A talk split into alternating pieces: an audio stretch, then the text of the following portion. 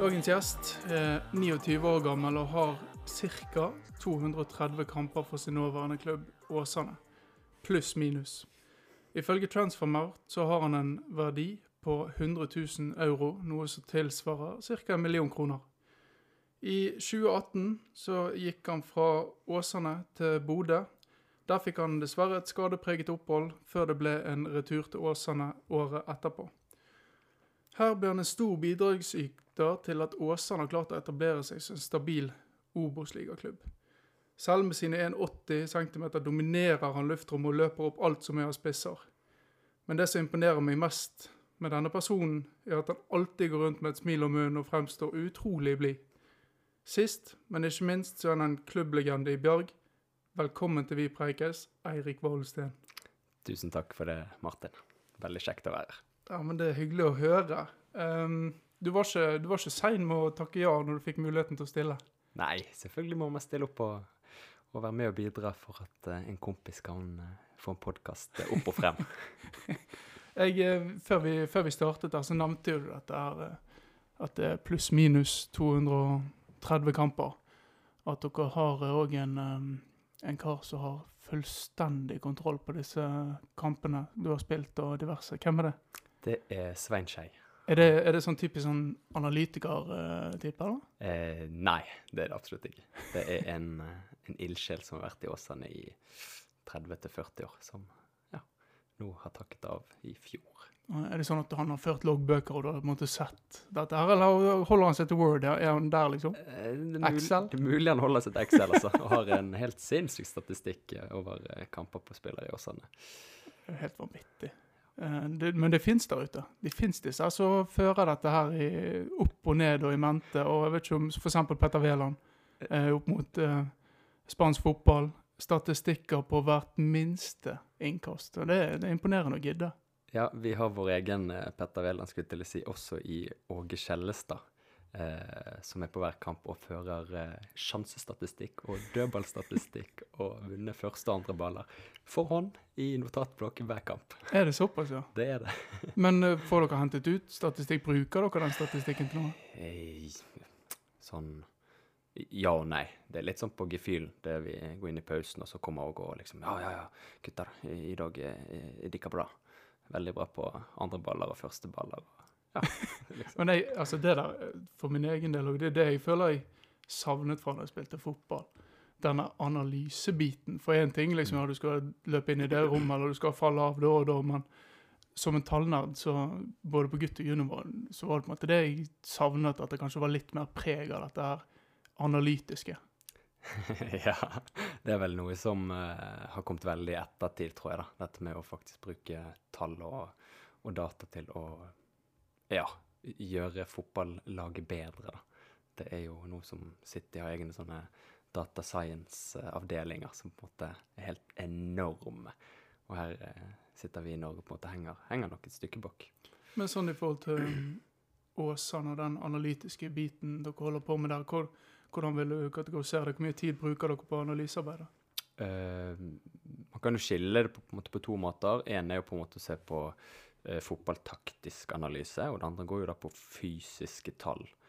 Uh, taktisk analyse har samtlige klubber i Norge, og analyse av på en måte tall på la oss si, sprint og distanse og dueller vunnet og sånn, det, det, tror, det kommer nå etter hvert. da.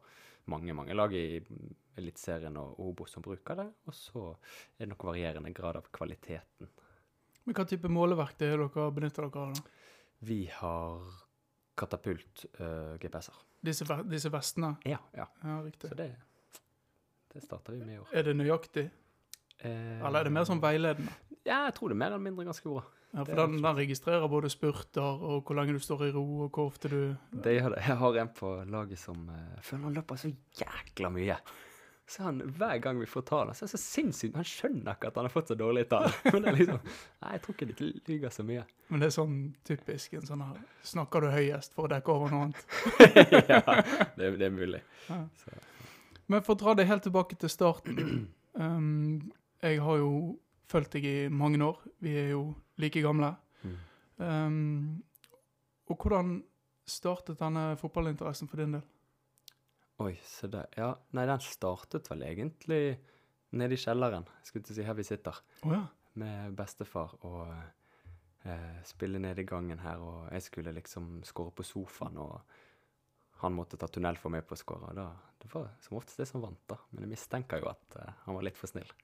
Jeg får veldig sånn uh, flashback til den Haldor-episoden, sånn som de gjorde, sånn, med at de satte opp uh, mål, så brukte det som dører i gangen og drev og skjøt og herjet, og faren hadde to mål for at de skulle få lov å vinne kampen og sånn. Så det, det, det er art, et artig sted å begynne. Det er det absolutt. Det er, det er noen mennesker som på en måte setter preg på, på livet ditt, og ja, der startet min interesse, da. Og så har bare de utviklet seg og egentlig bare blitt større og større jo eldre jeg er blitt. Så ja. Men du begynte i Bjørg? Eh, begynte i Fana, faktisk. Oh, ja. eh, tre måneder i Fana sammen med Ståle Tveit. Ståle er legende. men det var før vi begynte på skolen. Det var sånn barnehagenivå. Og så gikk reisen videre til Bjørg. Og da var du der eh, hvor var lenge? fra jeg var seks til 19. Såpass, ja. Ja. Hvordan var de årene der? Det var helt fantastisk. Det er Det har absolutt vært med på å forme meg som person og på en måte ha en arena som er eh, såpass trygg, nydelige folk. Eh, ja, en arena jeg trivdes på, da. Så det var bare gode ting å si om den tiden. Men det er jo en klubb som eh, har fokus på å få flest mulig med. Ja, det hadde Nå vet jeg ikke noe, om det var absolutt Det var liksom Det var bredden Ja. på den tiden, da. Så jeg skjønte at jeg begynte å satse litt mer nå siste årene. Men på den tiden var det liksom Det var folk som elsket å spille fotball, og det var eh, Alle skulle med, og ja. Hva, når, den, altså når du eh, holdt på, eh, hva, hvor eh, lå A-laget da når du kom opp i gradene? Lå det, hvor lå det og vakte? ehm, Jeg tror de rykket opp tredje, fra fjerde til tredje det året jeg kom opp. Da jeg var 15, tror jeg. Begynte å trene med de. Og så- 15? Og så ble det vel Jeg husker ikke om det var tre eller fire sesonger der før jeg gikk til Åsane. Så men det var Det var noen fantastiske år. Men hvordan var det å komme inn på A-laget som 15-åring? da? Du er jo ikke ferdig utviklet og klar for å bli knetaklet, sånn som A-lagsnivå. Ofte. er? Nei Um, Jeg var nok egentlig uh, litt sånn både naiv, men samtidig livredd. Jeg visste at liksom eh, med, med de fysiske ferdighetene så på en måte defensivt kunne man kunne ta hvem jeg ville, på en måte. Men jeg var livredd for det sosiale, og de var så skumle, liksom, de, de gamle karene. Men, men du ser jo fort at det er jo, det er jo bare hyggelige mennesker, på en måte. Men tok det deg lang tid å på en måte bli integrert i denne A-lagspoolen? Nei, egentlig ikke. Nei. Ikke når du har mennesker som på en måte som tar deg godt imot, og som, som har lyst at du skal lykkes. Da Da blir du tatt imot som, som min familie, på en måte. da. Alle vil det på en måte vel. Og da er det For Men, meg var det fantastisk. Ja, hvilke tro, kvaliteter tror du at Altså, for å slå gjennom så ung, så må man jo ha noen ekstremkvaliteter. Mm. Og jeg vet jo dine ekstremkvaliteter, Mm. men hvis du skal, skal på en måte nevne det sjøl, hva, hva du innehar som dine forutsetninger til å bli så god som du har blitt? Det er et vanskelig spørsmål, men eh, veldig mange som er på la oss si kretslag og de tingene, sant? de blir tatt ut basert på tekniske kvaliteter. Altså type basisferdigheter, overblikk, eh, lese spillet, tolke rom. Jeg var ikke den spilleren. Nei, OK. Jeg hadde nok de fysiske ferdighetene, da. Som eh, Som Ja, det var mine ekstremferdigheter, da. Og eh, ja, det var nok rent basert på det at jeg på en måte har gjort en karriere, og så på en måte dette utviklet seg til å utvikle de andre ferdighetene. For det husker jeg når vi Altså, du har jo alltid vært på et mye høyere nivå enn veldig mange av oss fra tidlig alder. Ja. Men du hadde disse her ekstremkvalitetene. Altså selv om vi spilte spissene våre i bakrom, de hadde en to-tre meter på deg, eh, ble løpt opp, du hadde prøvd å legge inn, prøvd å spille korridor. Alt ble sveipet, alt opp i luften. Og det er liksom det der eh, Det er en vanvittig spenst som ligger der. Ja, altså, jeg må jo bare takke min, min mor og min far for, for genetikken. det, det kan ikke gjøre. Men har du hatt, har du hatt noen forbilder, altså spillere du har sett opp til, enten i Norge eller utlandet, på en måte veien til? Jeg har, nok kanskje hatt noen sånne litt rare, ikke rare forbilder, men sånne forbilder som kanskje ikke andre har hatt. Det var En var jo Cannavaro. Eh, litt sånn liten, tøff duellspiller. Eh, jeg lurer på om en av de eneste som har vunnet gullballen av forsvarsspillere. Nå skal ikke jeg si for mye, men eh, Ja. eh, ja. Så det var mitt forbilde lenge. Eh, og så var det Han spilte på Brann, og husker egentlig ikke navnet, men hva var det het? Sigurdsson? Litt sånn stoppertype, sånn som Ørn Sigurdsson. Ørn Sigurdsson. Christian Ørn Sigurdsson, stemmer det? Ja, jeg lurer på om det er han. Ja. Litt liten. Han raske. Ja, han raske. Så taklet knallhardt. Ja. Han er litt sånn atypisk um, forbilde, så Det var jo han og han, og han der Bjarnason. Han var jo seig. Det, det er litt meg og deg.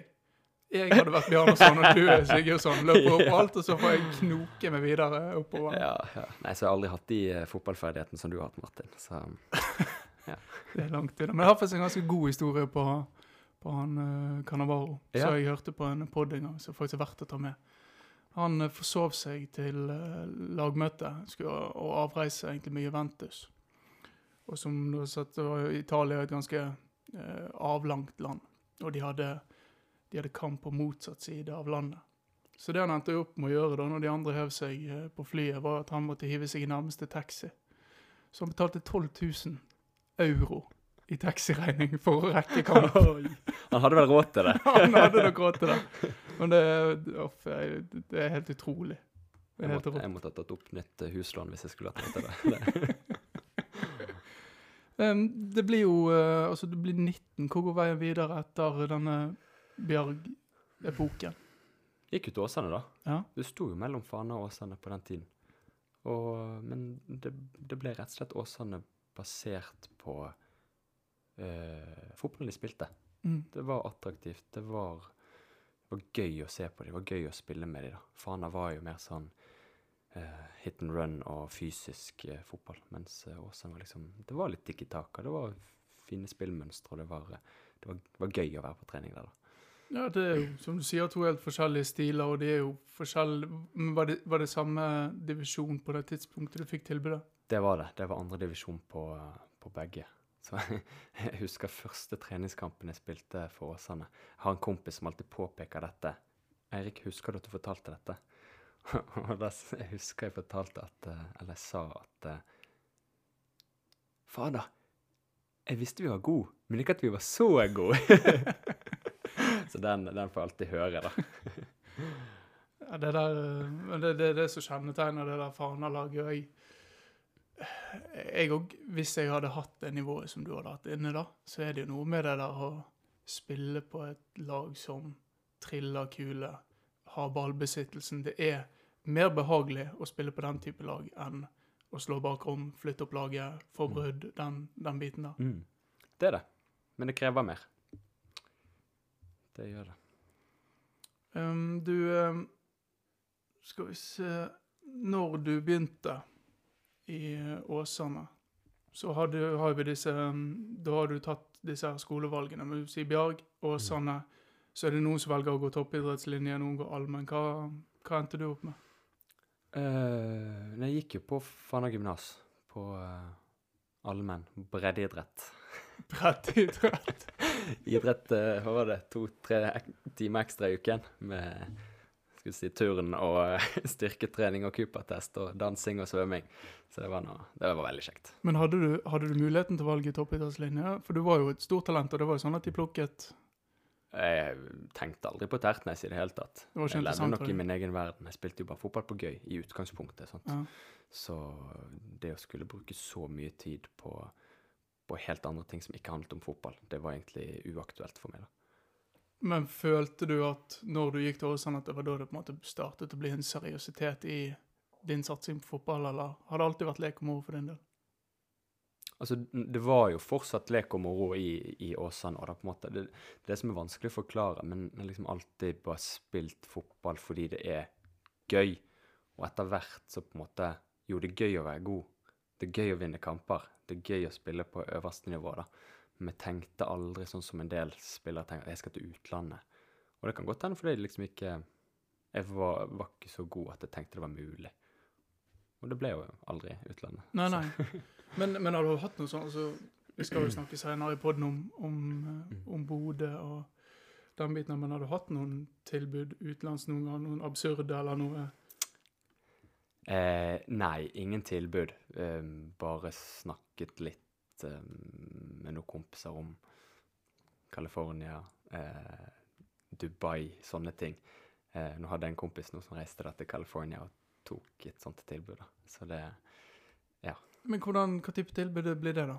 eh, nei, det College, jo- liksom? Eller hva divisjoner snakker vi? i? Det er ikke MLS? Eh, nei, det, altså nivået under MLS. MLS. ja. Det var Ryan Dugman. Han ehm, Det startet som en sånn Vi var på restaurantbesøk, meg og Gamst eh, Pedersen og Ryan, og så sa Gamst Ja, nei, du, jeg har, eh, har en, eh, en venn som nå eh, har blitt trener for et lag i California. Og nei, han trenger noen raske forsvarsspillere. Så, så du, Eirik og Ryan, du- dere kan ikke tenke dere det, da? Jeg trodde han køddet. ja. Og så sa jeg nei, nei, jeg blir jo sånn et par år til. Og så hørte jeg ikke noe mer, da, og jeg trodde jo Ryan også hadde lagt det på is. Før nå for en måneds tid siden så kommer Ryan til meg og sier Erik, jeg blir ikke med Åsane videre. Jeg skal til California. Nei. Og jeg bare kødder du med meg? Du må jo fortelle sånn, kanskje jeg kan vurdere å bli med. Men du hørte aldri Det var det bare én jeg skulle ha, eller hørte du alle? nei, nei, det var ikke For meg var det ikke aktuelt, dessverre. Men, um, men han reiste, og han dro i, med flyet i går og landet i California i dag. Og det er signert, og vi kan signert, snakke om det. Og Og, ja. han der, altså Gams Pedersen, tenk for et nettverk han har opparbeidet Mm. seg med en alt mulig. En Fantastisk mann, altså. Veldig overrasket, men det er en god mann. Men er det altså er det, er det fortsatt det der bleikede håret i en alder av 43, eller har han liksom moderert seg? Eh, veldig moderert, Ja. eh, men han liker å ta vare på kroppen sin. Mm. Eh, han skulle si ser ut som en gresk gud fortsatt, i en alder av 41, om jeg ikke tar feil. Ja. Og eh, ja, så han eh, Men, men det der å se han i den Altså, du har jo jobbet med han mm, ett eller to år, kanskje, noe sånt? Ish? ja, Ett? Mm. Altså, den, det han legger ned på treningsfeltet, ser du liksom at han gjør Eller liksom du med det han gjør i forhold til andre? Er det, er det mer detaljnivå? Er det bare å legge ned mer mengde, eller hva? Hvordan skiller han seg ut og klarer å holde på så lenge? Hva, hva tror du suksessen er for det? Han legger ned et helt sinnssykt arbeid. Eh, detaljert Altså søvn, kosthold Det, det høres så tullete ut, men sånn søvn, kosthold, mat, treningsarbeid, hvile. Helt ekstremt. Og han har holdt på med det siden han var 16, og nå er han 41. Gjør det samme nå. Det er helt ekstremt. Og det er gøy å se at du kan gidde å gjøre det i en alder av eh, 41, Også. Tror du han kan spille til han blir 50? Nei, det tror jeg jo ikke. Ikke, ikke så langt? Ikke på dette nivået. Det blir litt lenge. Nei, altså, men, men, men hvis kan- du tenker ja, ja, ja, da. Ja, ja, han, kunne, han kan spille. Det er jo samme som Old Boys. Du kan liksom Ja, ja. Ja, Det, er der, det er der jeg er nå. Men det er liksom å se han i garderoben. Du er 41 år, så er du bedre trent enn en, eh, 90 av gjengen. Det er ganske imponerende. Det er sinnssykt. Så han her i Japan, hva var han var, så har rekorden han var 55 og spilte i ligasystemet ennå, så det er jo helt vanvittig. Det er ganske det om et par år. Men han er ikke med videre nå? Han er ikke med videre. Han, eh, jeg vet faktisk ikke hva han gjør. Det er ikke klart ennå. men han har lyst til å fortsette å spille? Jeg vil tro det. Ja. Nei, vi skal ikke gå for mye inn på det. Men eh, det som er veldig kjekt, er at vi har um, fått inn uh, veldig mye um, spennende som jeg har lyst til å formidle til deg. Ja. Uh, så jeg tenker at vi hopper rett til lytterspørsmålet.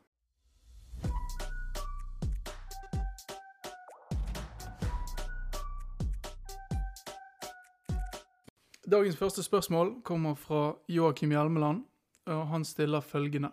Hva er det som driver og motiverer deg til å drive med fotball, egentlig? um, nei, fotball er jækla gøy. Det er helt fantastisk å kunne ha fotball som på en måte et slags levebrød, da. Det er jo som om du kan eh, ha hobbyen din og, og, og leve av den, da. Det, jeg tror alle hadde likt det.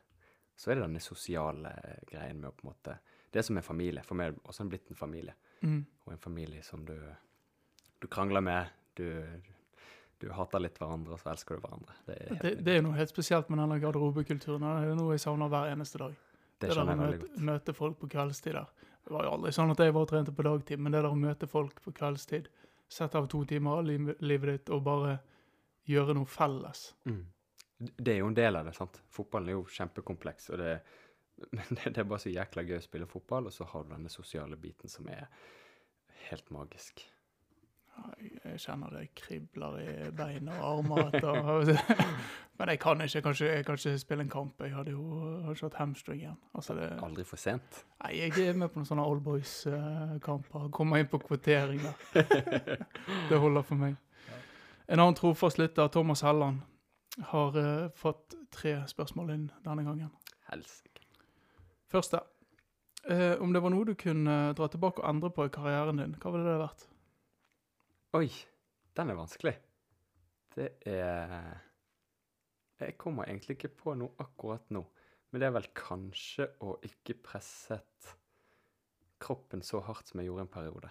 Med både med å sant, studere fullt og peise på som en galning på trening. Til slutt så sa det liksom det stopp, og kroppen fungerte ikke. Ble bare skader, bare tull og utslitt på en måte. da. Det er kanskje det. Lyttet enda mer til det mentale og kroppen. Men fikk du signaler fra kroppen underveis og bare overså de, eller kom det som Ja. pang? Nei, nei, svaret er jo ja. Det var liksom, du tenkte du var litt sånn Det høres helt tullete ut, men du tenker jo når du er ung og liksom nei men, nei, men det gjelder ikke meg. Jeg får jo ikke skader. Aldri vært skadet. sant? Og kjenner du litt her og der, og så bare peiser du på, og så, så kjenner du at du får mindre og mindre energi. Men nei, nei, men du vet liksom ikke hva det er når du er ung, sant? Litt vondt i hælen, kanskje? sånne små ting. sant, Men både, både liksom, en ting er det kroppslige, det andre er det mentale. Plutselig så sier det stopp, og da Du skjønner ikke det før du liksom har opplevd det en gang, da. Du vet ikke hva det er, sant? Har du havnet der? Ja, absolutt. Det var jo liksom den, den blandingen sant, av å Kroppen bare sier stopp, og du kommer inn i en periode der du, du er tom, da. Skikkelig tom. Og da Ja, det vil jeg gå tilbake og endre. Ikke, ikke presset med fart, på en måte, da. Over, over lang, lang tid. Det er nok et veldig, veldig godt tips, og det tror jeg mange eh, unge har godt å ta til seg. Det er veldig lett for å bli giret og, og bare dure på. Det er det. Nummer to fra Thomas. Eirik, du er så forbanna koselig. Har du noen tips til å være like trivelig og positiv som det du er? du er noe jækla fin du òg, Helland. Eh, men eh, nei, jeg har jo ikke det. Jeg tror også det, det er medfødt at uh, å ha et positivt syn på, på, på livet. Om det er noe negativt, så handler det om å liksom Ja, men hva faen kan jeg gjøre med det? Du må på en måte komme deg ut av det. Du må finne en du må finne det positive, eller prøve å finne det positive i det meste. Da Da tror jeg på en måte livet blir litt bedre. Ja, for det er ikke mange ganger jeg ikke har eh, sett deg og blitt møtt med et smil. Takk for det. Men eh, nei, jeg jeg tror det, det er medfødt å se positivt på og løsninger på det meste som, som dukker opp. Enig. Vi legger inn en uh, annen enn Thomas før han får avslutte på siste. Men Tommy Gaustad, Ja. det er vel en tidligere Åsane-kamerat av deg? En Åsane-legende. En Åsane-legende. Han spør følgende. Når fotballkarrieren er over, blir det full satsing på golf? Ja. det, det, det er mulig. Det er mulig. Jeg har jo eh, noen å se opp til der, og Tommy er jo en eh, god golfspiller, så Men fortell meg regler på det der greiene. For det, jeg- det, jeg ser det mange, det er jo den golfens glade gutter på, GGG. på GGG. På Instagram. Uh, og du har Nico Førde som holder kurs og styrer. Og. Hvordan fungerer eh, hva, hva er det som sier hvor god du er i det greiene?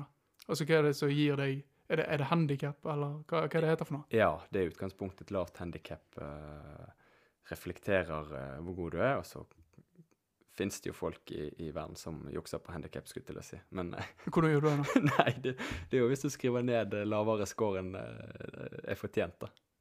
Er systemet så enkelt? Og Ja, er, det, ja, er det basert ja. på tillit, liksom? Det er jo egentlig det, men jeg vil jo tro at de som styrer dette systemet, på en måte, når de ser at en liksom suser ned i handikap, så stopper de opp og sier hei, hva faen skjer her? Hvem er det som har godkjent denne scoren, da? Men, men ja, et lavt handikap reflekterer at du er god. Men hvis du skal oute en, hvem tror du jukser litt på handikapet sitt av de du spiller med? Det Jeg vil ikke nevne navn. Kom an. Nei! Kom an, gi litt. Nei. Det er in ingen i GGG som holder på sånn. Nei, det tror ikke jeg heller. Det, det er gode gutter. Ja. det er bra. Thomas får uh, sitt tredje spørsmål. Du eh, har vært på mange treningslærer, er lik mange romkamerater.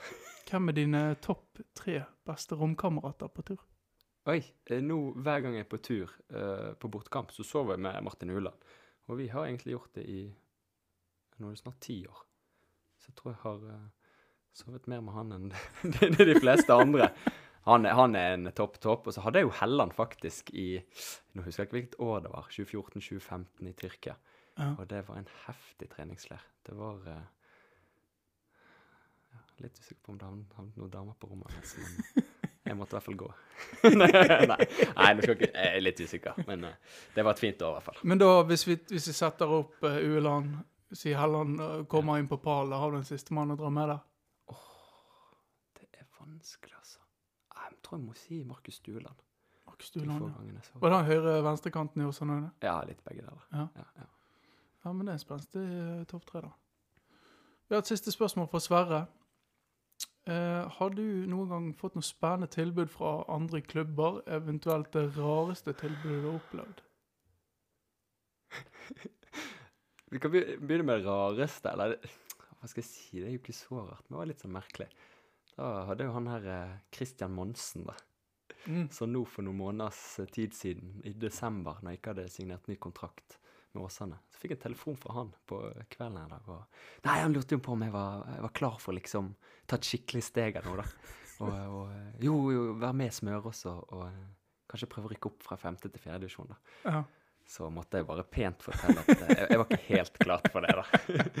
Så, så det var litt sånn Det er et stort steg ned, men, Kanskje.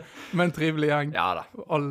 Så det var, det var noe kjekt å på en måte ja, få oppmerksomheten der. Ja, det er jo koselig. Men de har jo fått en veldig ok trener i Espen Birkeland der, og Ja. han har masse unggutter, Ja.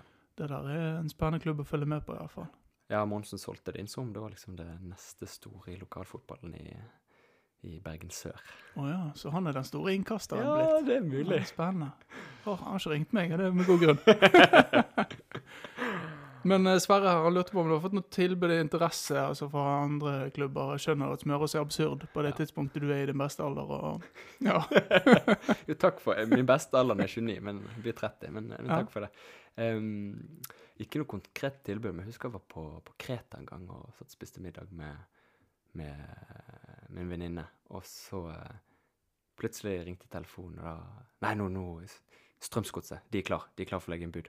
Jeg fikk jo hjertet i halsen. Jeg er jo ikke klar for det i det hele tatt. Og så eh, Så ble det dessverre med det.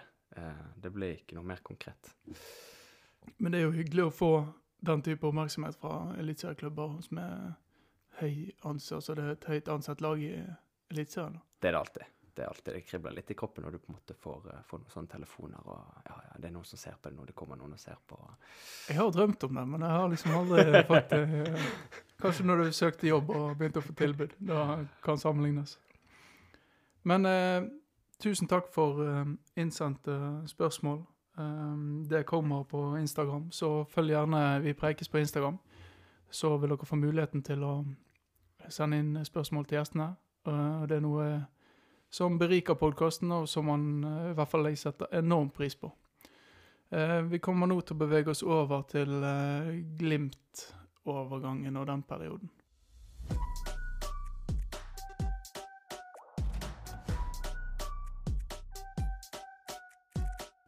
Vi befinner oss nå i eh, 2017.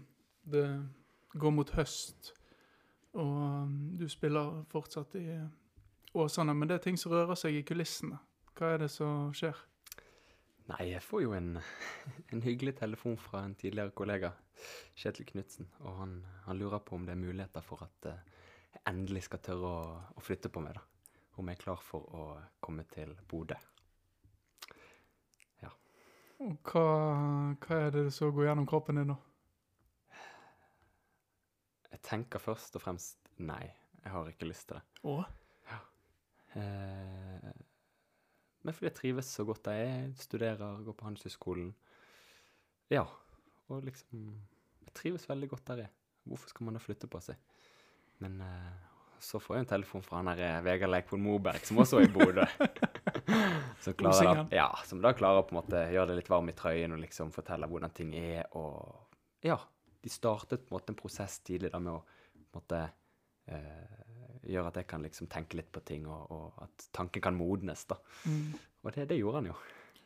Men Åsane, de uh, Hvordan legger de det fram til deg? Er det som at 'Å, dette er en mulighet du må ta', dette kan, altså, det kan være den muligheten man får, eller var de sånn 'Nei, vi ønsker å ha deg med videre'? Det vil jo de selvfølgelig, men altså, hvordan lar de, lar de det opp foran deg? Nei, på den tiden vet jeg ikke om Åsane visste om det. Det gikk direkte sånn i, til deg? Sånn i utgangspunkt Dette vet ikke jeg. Det har jeg aldri fått bekreftet. Uh, ja, så, så Men jeg fortalte jo det til, til uh, sportssjefen på den tiden, og, og det var liksom ikke Åsane kom aldri med noe liksom sånn mottilbud. De bare sa sånn Nei, vi vil selvfølgelig ha det, og hvis du bestemmer deg for å være her i Åsane, så skal vi finne ut av det. Men vi skjønner også at du vil til Bodø. Så det var liksom aldri sånn De jobbet ikke noe voldsomt for å holde med Åsane på på den tiden. Selv om du spilte fast og Ja, var ja. viktig brikke i Ja, laget? så, men jeg tror bare det handlet om at de hadde liksom sine premisser for kontrakt, og, og det var jo ikke det de gikk på for meg. sant? De kunne jo ikke måle seg med Bodø-Glimt. Så hvis jeg ville til Bodø, så kunne ikke de gjøre noe. Og hvis jeg ville bli, så skulle de lage en god deal. Så det ble Bodø til slutt. Men hva er det som gjør at du bestemmer deg for Bodø? Eh, det er faktisk interessant at du spør. Em, jeg var hos min søster på Østlandet. Bodø-Glimt skulle spille borte mot Ullensaker-Skisa. Og jeg snakka litt med Vegard, og eh, så tar jeg turen faktisk til, eh, til uh, å se den kampen. da, Ullensaker-Skisa mot Bodø-Glimt. Og Bodø-Glimt smadra det. Jeg lurer på om det er 7-1 eller 7-2. Og jeg tenkte bare fy faen, dette her ser bra ut. Mm. Jeg vil nordover. Dette vil jeg være med på. Ja. Ja, Den der er... Så det var det. Men kjente du på noe sånn ah, dette her er et for stort steg å ta, eller følte du deg på det tidspunktet klar for å hoppe i det? Jeg følte meg egentlig veldig klar for det, men samtidig ikke, for jeg hadde disse her eh, skadene som på en måte aldri Jeg kom aldri opp igjen. Så du var på en måte ikke på et godt steg, men du håpte at du kom til en god klubb med et godt apparat, medisinsk apparat, som kunne fikse det. Eh, og det klarte vi aldri helt, da. Eh, Men var du halvt på en måte når du reiste opp? ja, da hadde jeg brudd i, i ankelen og reiste opp, så det startet veldig skeis allerede der. Men hvordan kommer man gjennom en medic, eh, altså en medisinsk evaluering da? Det er et godt spørsmål. Husker du hvordan den ble gjennomført? Eh, ja, jeg gjør jo det. Jeg vet ikke hva jeg skal fortelle om det, men det var jo masse forskjellig, da. Det er jo både fysiske tester, du sjekker liksom bevegelighet, du sjekker, du tar noen bilder. Eh, husker fremdeles når eh, plutselig var bokseren av, og doktoren står der med ballen i hendene på Ser om Altså, den henger Hva lenger den skjer nå? ja. Nei, og liksom, du sjekker alt. Um, så vi gikk nå gjennom. Så ja, egentlig veldig nysgjerrig på hvordan, men de tenkte vel at dette fikser vi, da. Dette, han er ute så og så lenge, Ja. Vi har han tilbake igjen til da. Ja, På en måte. så det er vel det de tenker, at de ikke ser at ja, ja, men dette gjør jo ingenting. Han er klar om fem uker, liksom. Men når du møtte opp i Bodø og begynte å trene Kjetil Knutsen, som du kjenner fra før av, er er trener, hvordan følte du at du på en måte ble tatt imot og sånn der oppe? Jeg ble jo veldig godt tatt imot, egentlig. Det var jo en veldig fin gjeng, og eh, nydelige folk, og utrolig fine folk i klubben. Og eh, bodøværinger er jo Ja, de, de var liksom gjestfrie, og de var til stede, da. Så absolutt. Men jeg har jo nevnt det før på podkasten, for vi var jo på et uh, fotballmesterskap i Bodø på den tiden, når du nettopp hadde signert. Jeg Mm. har jo nevnt at, at eh, det, mm, jeg var i hall der og så. Uh, og det, det der Jeg føler at jeg har et øye for det der greiene der. For i 2015 Mm. så så jeg Vålerenga mot Kongsvinger. Mm. Um, treningskamp på høsten før sesongen, eller vinterstid eh, før sesongen der. Da hadde du Sander Berge på sentral midtbane der. Og så hadde du han eh, Martin eh, Ellingsen, som nå spiller i Molde, spilte for Kongsvinger. Mm. To totalt dominerende fotballspillere. Helt og Sander Berge, det driver. altså Han spilte 45 minutter, ledet 2-0 takk for meg, og så skjønte du at han er jo klar for større ting. Eh, litt det samme med han Ellingsen. Veldig sånn uskrevet blad. Jeg husker vi var ute og drakk. Så kommer de, for de var jo stjerner i Kongsvinger. Så kommer han der, så sa jeg til ham bare Fytti, hvis det ikke Brann signerer deg, skjønner jeg ingenting. Sesong, en halv sesong etterpå så er Molde signerer han. Henter de han. Og det var litt sånn um, For når jeg kom opp i den hallen der og så fysikken på spillerne Lajoni, den biten der altså Det er helt vanvitt Bjørkan. Vanvittig fysikk. Mm. Um, var det gjenkjennbart fra um, Åsane-tiden at han på en måte tar med seg samme filosofien altså Kjetil, inn i Bodø? Eller er det noe som blir revolusjonert der i Jeg er litt usikker Altså, den, den prestasjonskulturen på en måte Kjetil står for, og den, den er helt lik. Han, han skal ha personer som liksom legger ned et helt sinnssykt arbeid hver eneste dag på feltet. Sånn er det bare. Og da henter han spillere som evner å legge ned det arbeidet, og så henter han spillere med X-faktor. Det har alltid vært hans liksom sånn Han sier Erik, jeg skal ha spillere med X-faktor. Det kan være hva som helst, men de skal ha X-faktor. Og mye har jo vært av de spillerne som var i Bodø da jeg var det, er liksom speed og eksplosivitet og selvfølgelig gode tekniske spillere, da, men, men eh, ja, da jeg kom om, opp dit, så følte jeg liksom hver dag var som en kamp. mm, Jeg spilte kamp hver dag. Og Det var kriging om plassen, liksom. Ja, det var liksom kampintensitet hver eneste dag. Og det var, det var blytungt, sant.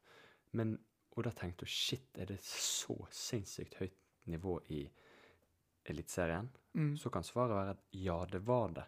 Men kanskje man etter hvert også det neste året da så at Nei, det var kanskje ikke eliteserienivå. Det var topp, topp eliteserienivå egentlig på kvalitetene på en del av spillere. da. Og egentlig på en kultur som de klarte å skape innad i gruppen. Ikke minst, da. Ja. Eh, ja. Men uh, med det tempoet der, og Mm. du er tilbake rett fra en uh, kjip skade, det Mm. må jo ha vært en vanskelig overgang og vanskelig å komme inn der hvis du skal ut i 100% og så er du litt halvt. Det var det. Det var, jeg husker det var blytungt. Bli satt opp 1-1 der mot uh, Philip Sinkernagel og Jens Petter Hauge og, og Mola Joni.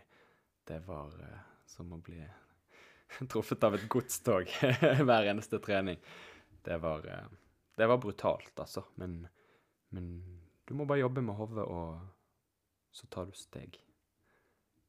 Men hvordan blir denne sesongen for deg, egentlig? Altså utover? Fikk en del tillit i starten, altså, men jeg var aldri i shape, på en måte. Så jeg tenkte shit, hvorfor i alle dager får jeg mulighet nå? Jeg er jo ikke i nærheten. Og så etter hvert tror jeg de innså at de måtte gi meg liksom tid, og så ble det liksom skade på skade. Høres ut som jeg driver og sutrer, men det er liksom Jeg kom jeg, La oss si jeg ble aldri god nok, da. Før liksom, la oss si oktober, november, desember. Eh, helt på slutten av sesongen. Da følte jeg liksom var Da var jeg på skuddhold Mm. og kunne konkurrere. Alltid med Patrick Berg liksom på reservelag, som var liksom de som Ja, hva skal jeg si, liksom sto frem og, og, og ga alt, da. Og så tenkte jeg yes, jeg skal, neste år blir det jækla bra i Glimt. Og så siste trening før ferien, så rykker hamstringen. Og det første jeg tenker når det skjer, er bare Jeg drar hjem. Ja, da hadde du bestemt Ja, deg, liksom. Du skjønte sånn, hva du måtte gjennom for å Det hadde ikke gått, liksom.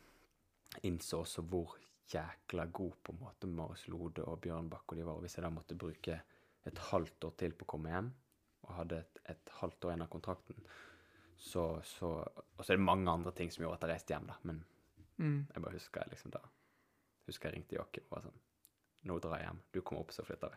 Ja, OK. Det var klink, liksom. Ja. Det der er Men det er brutalt. Det er det, men det, det legger jeg med. Men hva syns du om den der eh, Altså, det er blitt en talentfabrikk. Det, Hvordan eh, Altså, En ting er jo denne kampen i treningen, men tror du andre faktorer ser til at de eh, selger spillere for 50-60-70 millioner kroner flere ganger i året? Det er jo Det er en miks av 10 000 ting. Uh, men en ting Altså, det er liksom det Kjetil har klart å skape med å Den kulturen han har klart å skape der oppe, da. Uh, og så vil nok folk punktere, Legge vekt på ulike ting, hva som er viktigst, men men det er på en måte den, den flammen som Kjetil har i seg, da, til å ville utvikle folk og til å ville vinne, den der, den er helt sinnssyk. Altså, han er ekstrem. Men tror du det er noe limit for det laget der? Altså hva de kan få til? Nå har de jo oppnådd ufattelige ting i, altså Europa, men hva, hvor tror du det laget der kan havne? Helt umulig å si, altså. Uh, nå kjenner jeg ikke til de spillerne de har hentet inn, men vi eh, meg og Kjetil har litt sånn samme tankegang. Det at liksom alt er mulig. Og han var en av de som fikk meg til å innse at liksom men faen, du er jo litt god. Jeg hadde alltid tenkt på å spilt på gøy og liksom Nei, vi er jo ikke så gode. Men han liksom sa «Erik, fy, hvis du vil, du kan nå så langt du vil. Jeg har troen på deg. Mm. Uh, og vel kanskje derfor han hentet meg opp, på en måte. Han hadde troen på meg. Og ja, det er Jeg tror du kan nå så langt du vil, og det er jo Bodø-Glimt et prakteksempel på i norsk målestokk, da. Men igjen, jeg kan ikke svare det på hvor langt de når. Det Nei, nei, nei. er helt umulig. å Men det er muligheter. Absolutt muligheter. Ja. Og så spørs det nå sant, De spillerne som har prestert ekstremt i Bodø-Glimt, har dratt ut og kommet tilbake. Jeg vet ikke om de sitter på liksom en sånn 95% glød, eller om de har den derre helt ekstreme 100% maniske gløden som, som den gjengen hadde, da, husker jeg.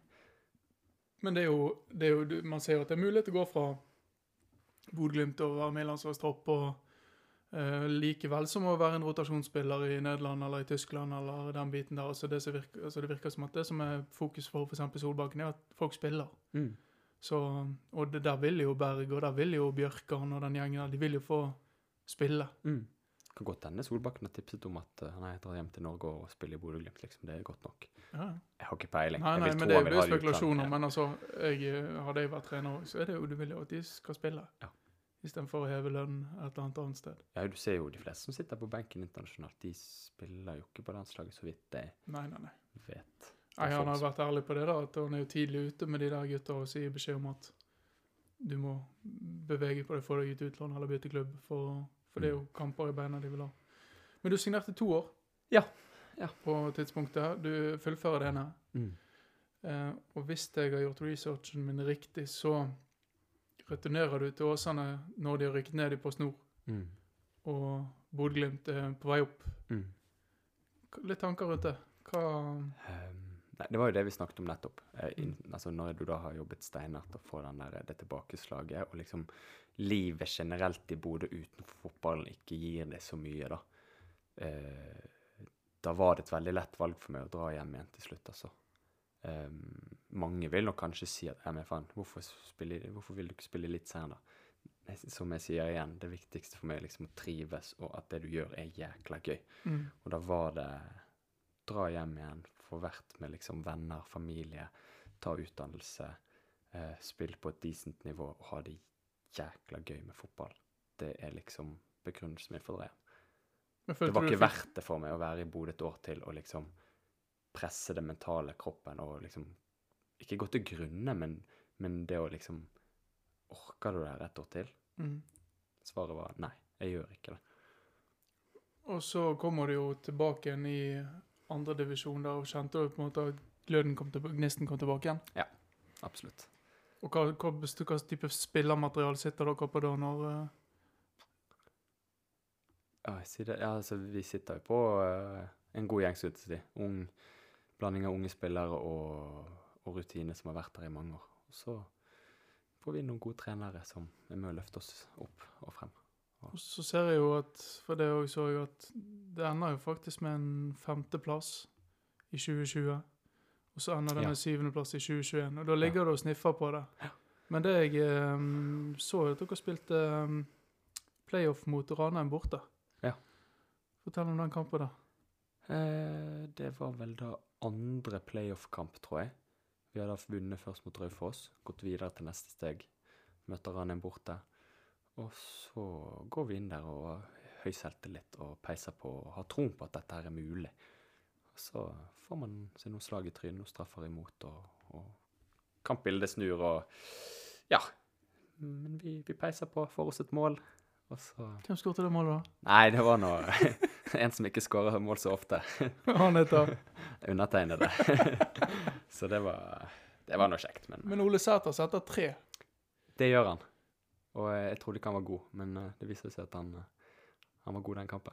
Og har Ja, vært god i ettertid. Han har vært god i ettertid. For det der er en sånn spiller, altså Du ser på han og tenker bare du er middels. Jeg kjente ikke til han engang på, eh, på den tiden. Nei, men Han drev jo humpet ned i divisjonssystemene, Ja. ned i Nardo og alt mulig, og prøvde seg litt nordover. og Han har tatt tung vei, han. Det har han. Og han har blitt god. Men det er litt vittig. Han uh, skåret tre mål, så knakk han ankelen. den kampen. Nei. Jo. Det var uh, Blir båret ut Patrick der. Ja.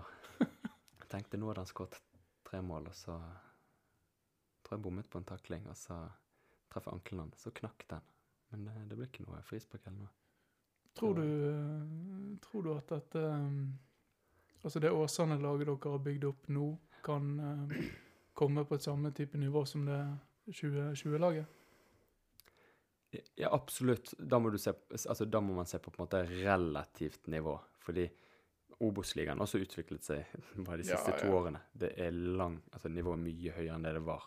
Og jeg tror at laget kanskje er på et høyere nivå nå. Litt usikker, det er vanskelig å sammenligne.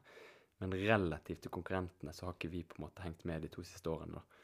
Og um, ja, det var et tungt år i fjor sånn fotballmessig for gjengen. Og, men nå har jeg fått inn litt uh, ungt. Hva har dere fått inn, egentlig? Eh, Magnus Brun Hansen Ja, eh, fra Hødd. fra Hødda, tidligere Åsane-spiller. Ola Helten Nilsen, bror til Sivert Helten Nilsen. Eh, ung gresk gud. Å oh, ja, eh, bli- uh, uvær. Ja, Ja. som eh, Ja, det blir veldig spennende å følge han. En som heter Jakob Olsø. Og får vi noen unge opp fra eh, U-avdelingen, da. Så jeg tror det blir veldig spennende. Eh, og så ikke minst Kjetil One, fra, som kom inn fra Brann Kvinner, da. Som Ja. er sinnssykt flink faglig. Har han vært tidligere i Åsane? Han føler han har vært i bergensfotball Mm. i mange, mange år. Ikke så vidt jeg vet. I Åsane. har Ikke i Åsane, men han har vært i bergensfotball i Jobbet med, med Røsland i Anna Bjørnar, vet jeg. Ja, stemmer det. Så han har sikkert vært eh, rundt omkring. eh. ja. Nei, jeg tror han var, om han var assistent når Ingrid spilte i Anna Bjørnan-tiden. da. Det tror jeg stemmer. Men hvis du skal komme med et lite um, tippetips Åsane Obos-ligaen 2023-2024 Oi, se der, ja. Eh, tippetips. Hvor mange lag er vi, da? Er 14 eller 16? Skal du sjekke det Nei, du trenger ikke. Eh, jeg tipper Har du noe å si, tror du? Om det hadde vært 14 eller 16? Jeg tipper tiende. Det er moderat. Ja, det er veldig moderat. Ja. Så får alt eh, over det være en bonus. ja. Nei, men jeg, eh, jeg skal ikke Eh, overstyre det. Én ting er man må, man må være realistisk, og så jobber man aldri mot en tiendeplass. Du jobber mot uh, første. Du setter på en måte forventningene litt, da, og så får man heller overraske, da. og- Ja, vi har gått hardt ut nå de siste årene, og så, og så konkurrerer du mot lag som på en måte er helt profesjonelle. Så da velger jeg året liksom Dette er første år på lenge jeg har moderert meg. Jeg pleier å si bare nei, vi peiser på, nå, nå går vi for kvalik. Og det Mm. gjør vi. Men du spør meg hvor tror du? Så sier jeg Mm. jeg tror tiende. Alt over det vil jeg være jævlig fornøyd med. Ja, men da, det er i hvert fall et positivt mindset inn i, inn i sesongen. Ja, Både òg. Det kan være feigt, men også jeg velger å gjøre det i år. Og prøve den Ja. Spennende. Hvem tror du rykker opp, da? Eh, Åh, hvem bruker Jeg tror Kongsvinger kommer til å bli litt sånn outsider. Ja, med Vegard Hansen. Ja. Med Vegard Hansen. og så litt usikker på hvem som rykket ned. Var det Jerv og Kristiansund? ja. Så da tror jeg Kristiansund, Kongsvinger rykker opp. Ja. Og de som blir nærmest bak der, da. Par. Det er kjempe... Jeg husker ikke hvilke lag det var. vet du. Men det er sånn type OK, du sier uh, uh, Sandnes Ulf. Ja. Uh, De har jo alt De ligger og ja, de ligger der, bak liksom. Sogndal. Ja. Eh, ja, de tror jeg blir liksom utfordrere. Kanskje Ran... Litt usikker på de i år, med Ingebrigtsen. Det kan bli Ranheim, Det kan bli Ja. tenkte du på? Ja, det var Ranheim jeg tenkte på. Ja. Vi solgte Markus Menert nå til Ja. Godset. Det kan bli gull og grønne skoger, det kan bli eh, overtrening og helvete. Opplevde dere det hos han med Nei, men han er, han er litt sånn Skal trenes jævlig hardt. mm. Og det er, det er rett frem fotball. Det er, det er veldig direkte. Og det er da Det er nyanser for om du blir, blir overtrent, eller om du Ja, det er, blir- ser er ut en som tynn linje en der, på en måte. Ja, ja. Ja. Men hadde han noe på treningsfeltet, eller hva det med sånn i Hva skal jeg si, en direktørrolle? eh, Jo, først og fremst sportslig leder i Åsane. Sportsleder, Og så var det en del fravær på trenere i fjor, dessverre av ulike grunner. Og da steppet han inn og var til stede og kjempeflink på det han er god på. Mm. Fantastisk fyr til å samle lag og få oss til å prestere. Og ikke fullt så god taktisk. Nå er jeg bare ærlig. altså fullt Ja, så ja, ja, så god taktisk må... som man ville tro, basert på det jeg opplevd fra en som har vunnet mange seriegull. Ja. Eh, Ja. Men du spiller kanskje altså, han spiller kanskje litt mer på følelsene og passion og ja, det, det er full pupp. Ja. Det er full pupp og tette avstander og øh, direkte fotball. Men det tror jeg òg er altså denne passion-fotball, den Nå er fotball så eh, teknisk analytisk at du på en måte Du ser jo disse Premier League-kampene du ser ut som et uh, sjakkspill. sant? Det blitt sjakk- det er ja, det blir sjakk. Den, den følger den, og den følger den, og den tar ut den, og liksom mann-mann, og, og går over til sone, ting skjer underveis i kampen og sånn, så eh, den der Jeg tror du kan komme langt med passion, jeg tror du Mm. kan ta deg en vei, men nå, altså hvis du ser Guardiola, Klopp, eh, Ten Hag, det de holder på å få til, så, så er det den retningen der det går. Det er det. Absolutt. Du må ha, nå må du ha liksom begge deler. Til de grader. Nei, Nå blir det i hvert fall spennende å følge med eh, Åsane.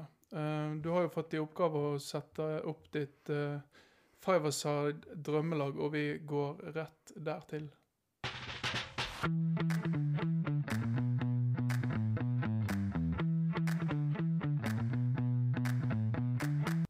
Da skal du velge ut eh, fem eh, stykker, eh, Erik, til eh, ditt eh, drømmelag. Og du har da valgt som nummer én. Oi, ja. eh, Jeg kan jo først uh, si hva jeg baserte på. Gjerne. Uh, jeg har basert det på uh, personer som hvor, Altså hvor fantastiske mennesker de er, og til hvilken grad de har påvirket min karriere. Og da går jeg ut i en 2-1-formasjon med én til på sidelinjen og én på tribunen. Så du spiller med tre. Jeg spiller med tre. Men den moralske størten, Ja. den er så stor. For det er så viktig. ja. Det er ikke bare de spillerne ute på banen, sant. Det er, det er folk rundt. Nå, Så da- jeg, nå ble jeg eh, interessert her. Få høre. Da starta jeg med myten, legenden Jan Ove Vik. Shortsmannen. Shortsmannen, El Capitano, kjent i hele Fotball-Norge. Eh, folk tror jo at det er han som har laget Åsane-sangen, fordi han var frontfigur. Jeg tror ikke han var med å synge engang. det er Erik Øsgaard som har laget sangen. Men Jan Ove Vik, eh, han eh, har betydd utrolig mye for meg som leder, som person. Og så er det jo disse her gøye feiringene hans, da. Hva han gjør da? Og det Han har masse forskjellig. Han, en gang så skåret han et sinnssykt mål. da. Løper bort til cornerflagget, river opp cornerflagget, drar av seg T-skjorten, setter altså drakten på dette cornerflagget. Så tror han hopper over gjerdet på stadion. Så løper han ned langs hele sidelinjen og veiver liksom for seg selv, da. Og en annen gang så prøvde han å og jeg tror det var å heise shorten sin opp i flaggstangen utenfor stadion. Det så Og så ble han stoppet av dommeren. Så han Hvor kommer den der eh, altså, Ikke for å avbryte men hvor kommer den der eh, shortsen fra? Altså, Hvorfor eh, kjører han den opp i lysken og Det er italiensk fotball når han vokste opp, tror jeg. Han har italiensk, eller italiensk stil, liksom. Det er han, da. Han italienske forbilder. Så det er derfor. Eh, jeg tror de spilte sånn Jeg vet ikke om det på 70- eller 80-tallet. Som en liten hyllest liksom til Jeg, jeg tror det, men eh, litt usikker. Kult. Så han har fått en plass på mitt uh, Allstar-lag som én av to i bakre firer. Nei, ba bakre toer. Bakre toer. Det er vel ikke fire på banen? Nei. Nummer to, det er Martin Uland, min, en av mine beste venner. Han er en god mann. Sover med han annenhver helg. Utrolig koselig. og han eh, får også en spesiell plass der fordi eh, han er den eneste mannen jeg har hørt har gjort følgende. 17. mai, ny dress, eh, hatt noe godt, eh, godt i glasset. Går langs lille Lungården. Det er sånn lite gjerde, vet du. Ja, ja. Og så snubler han i det gjerdet. Det er sånn gressplen der, vet du. Så Litt ser du, så ser du, ja, så ser du bare mannen som Han er ikke 100 kilo, men ja, begynner å rulle i slow motion. Og tenker liksom Han stopper vel? Og så bare ruller han, ruller han, ruller han, og plutselig bare plopp! er Og der ligger han og svømmer. I Bergens skitneste vann. Ja. I Bergens skitneste vann. Så en som har svømt der, da. Så ja. Eh, nummer tre, eneste som både er da midtbanespiss, Joakim Hammersland. Ja. Eh, utrolig fin fyr. Uh, hatt mye å si for meg. Var litt sånn eh, mentor i starten av min karriere, på en måte, da, i Åsane. Og jeg kom jo fra en festkultur i, i Bjarg. Fire, Å, ja. fire hver helg. Ja. Eh, fortsatte jo litt med det i Åsane sant, på den tiden, og begynte på NHH. Det var vanlig å ta sin fest liksom nede i kjelleren der, og eh, jeg gikk nå ut på torsdag hvis vi hadde trening fredag, og liksom tidlig opp og kunne prestere. Men så fikk han jo nyss i det her, da. Så sa han bare Erik, det her gjør du aldri igjen. Og det var så brutalt. Og siden så har jeg aldri gjort det. Å? Og det takker han for. Men hva var det som gjorde at du på en måte tok til deg eh, Nei, jeg tenkte jo, jeg kom jo fra en kultur liksom, der det var vant til å feste, og det var greit, liksom, og det var en del av livet. Men så bare uh, innså jeg Neimen, kan kanskje ikke gjøre det på dette nivået, da. Ja. Og da ja, så la man vekk den vanen, da. Sykt. Så takk for det. Ja, det, det er sterkt, da. Ene på sidelinjen, Kjell Knutsen også. Oh. Han får en plass fordi alle trenger jo en god coach. mm. Ehm, og han uh, har hatt mye å si for meg. Fikk meg til å innse at uh, Eller fikk vel folk til å innse hvor gode de kunne bli, da. En sånn ekstrem passion og evne til å få folk til å tro på noe. Og det takker han for. At liksom Jo, alt, alt er mulig. mm. Du får til det du vil. Og så har vi siste og viktigste på tribunen. Oh. Det er kanskje litt kjedelig, men det er en som kanskje har vært den viktigste støttespilleren for meg, og det er min mor. Oh. Anne Lone Volden, Koselig. som er gynekolog, fysio, eh, mamma og ikke minst sponsor, som har gjort at jeg kan ha holdt på med, med fotball alle disse årene. Hun har, hun har sett på det i Bjarg, men det er nesten altså, Hun hadde ikke ved Busela, men det var ikke langt unna. Så det var et vanvittig engasjement. Rett her borte så står vel det noe trommer, tror jeg. Det, Ja. De har vel hver kamp, så det Kom hun opp til Bodø òg, da? eller var det Ja, hun var der et par ganger. Ja, det er så Så, enormt. det. så der har du mitt kjedelige Nei, det er ikke five aside. Det er faktisk helt enormt. Men det stopperparet der, Ueland, Jan Ove Vik, De, har vel, Hammersland der de til sammen har vel nesten 900 kamper i Åsane. Du har en ganske vill rutine der. Så Nei, det der er, det der er jo hel ved. Men det er første drømmelag med litt folk på siden. Ja, Men det er ja. konkurransedyktig, det hører jeg jo. Du har to mentorer på siden der, så Du trenger Klarer- liksom litt mer. for klarer å dra de tre der. Noe voldsomt. Ja, Du har liksom alt. Du har, eh, har noen bommet litt på byen en helg, så jo, da ringer du moren min og hører. Kan du hjelpe? Vil du bli bedre fotballspiller, jo, da ringer du Kjetil Knutsen. Altså. Her har du tenkt på alt. Ja, Dette er liksom. gjennomført lag. Det er et gjennomført lag. Ja, men det er fantastisk. Jeg må bare si tusen takk for uh, din tid, eh, Eirik. Um, det har vært en glede både å få hørt på tiden i Bjarg, Åsane og ikke minst uh, Bodø-Glimt. Um, så det er egentlig for meg å si at eh, takk for denne gang, og vi preikes. Vi prekes.